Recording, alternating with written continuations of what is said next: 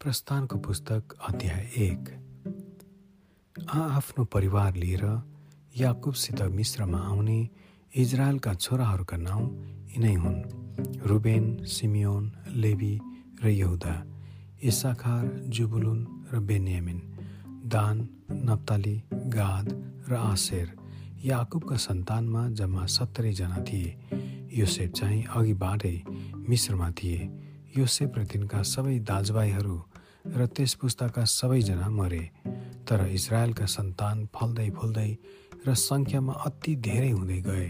यहाँसम्म कि सारा देश तिनीहरूद्वारा भरियो तब मिश्रमा योसेफलाई नचिन्ने एकजना नयाँ राजाले शासन गर्न थाले। उनले आफ्ना प्रजालाई भने हेर इजरायलीहरू सङ्ख्यामा हामीभन्दा अति धेरै र अति शक्तिशाली भएका छन्। अब हामीले तिनीहरूसित बुद्धिले काम लिनुपर्छ। नत्र तिनीहरू सङ्ख्यामा अझ बढ्दै जानेछन् र यदि युद्ध भयो भने हाम्रा शत्रुहरूसँग मिलेर हाम्रै विरुद्धमा लडाइँ गर्नेछन् र देश छाडेर जानेछन्। यसै कारण उनीहरूले तिनीहरूलाई कठोर काम लगाएर सताउनलाई तिनीहरूमाथि नाइकीहरू खटाए र तिनीहरूले फारोको निम्ति पिताम र रामशेष भन्ने भण्डारका सहरहरू बनाए। तर जति जति उनीहरूले तिनीहरूलाई सताए उति उति तिनीहरूको सङ्ख्या बढ्न लाग्यो र तिनीहरू झन झन फैलिँदै गए। यसैले इजरायली जातिसँग उनीहरू डराउन लागे।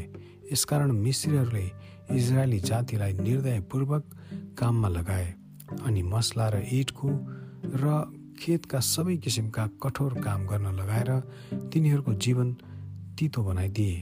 तब मिश्रका राजाले सिप्रा र पुवा नाउँ भएका दुई हिब्रू सुडेनीहरूलाई बोलाएर भने अब हिब्रू स्त्रीहरूले बच्चा जन्माउँछन् र उनीहरूलाई जन्माउने पिरामा हेरचाह गर्छौ तब छोरो रहेछ भने त्यसलाई मार तर छोरी रहेछ भने त्यसलाई जिउँदै राख। तर सुडेनीहरू परमेश्वरसँग डराउँथे र मिश्रका राजाले आज्ञा गरे बमोजिम गरेनन् तर छोराहरूलाई पनि जिउँदै राखे। यसैले मिश्रका राजाले सुडेनीहरूलाई बोलाएर सोधे तिमीहरूले छोराहरूलाई किन छोड्यौ? यसो किन गर्यौ? सुडेनीहरूले फारोलाई भने हिब्रू स्त्रीहरू मिश्री स्त्रीहरू जस्ता छैनन्। तिनीहरू हट्टाकट्टा छन् र सुडेनी पुग्नुभन्दा अघि नै बच्चा जन्माइसकेका हुन्छन्। अनि परमेश्वरले सुटेनीहरूमाथि दया देखाउनु भयो र इजरायलीहरू सङ्ख्यामा झन् बढ्दै गए र शक्तिशाली भए। सुटेनीहरूले परमेश्वरको डर मानेका हुनाले उहाँले तिनीहरूलाई सन्तान दिनुभयो।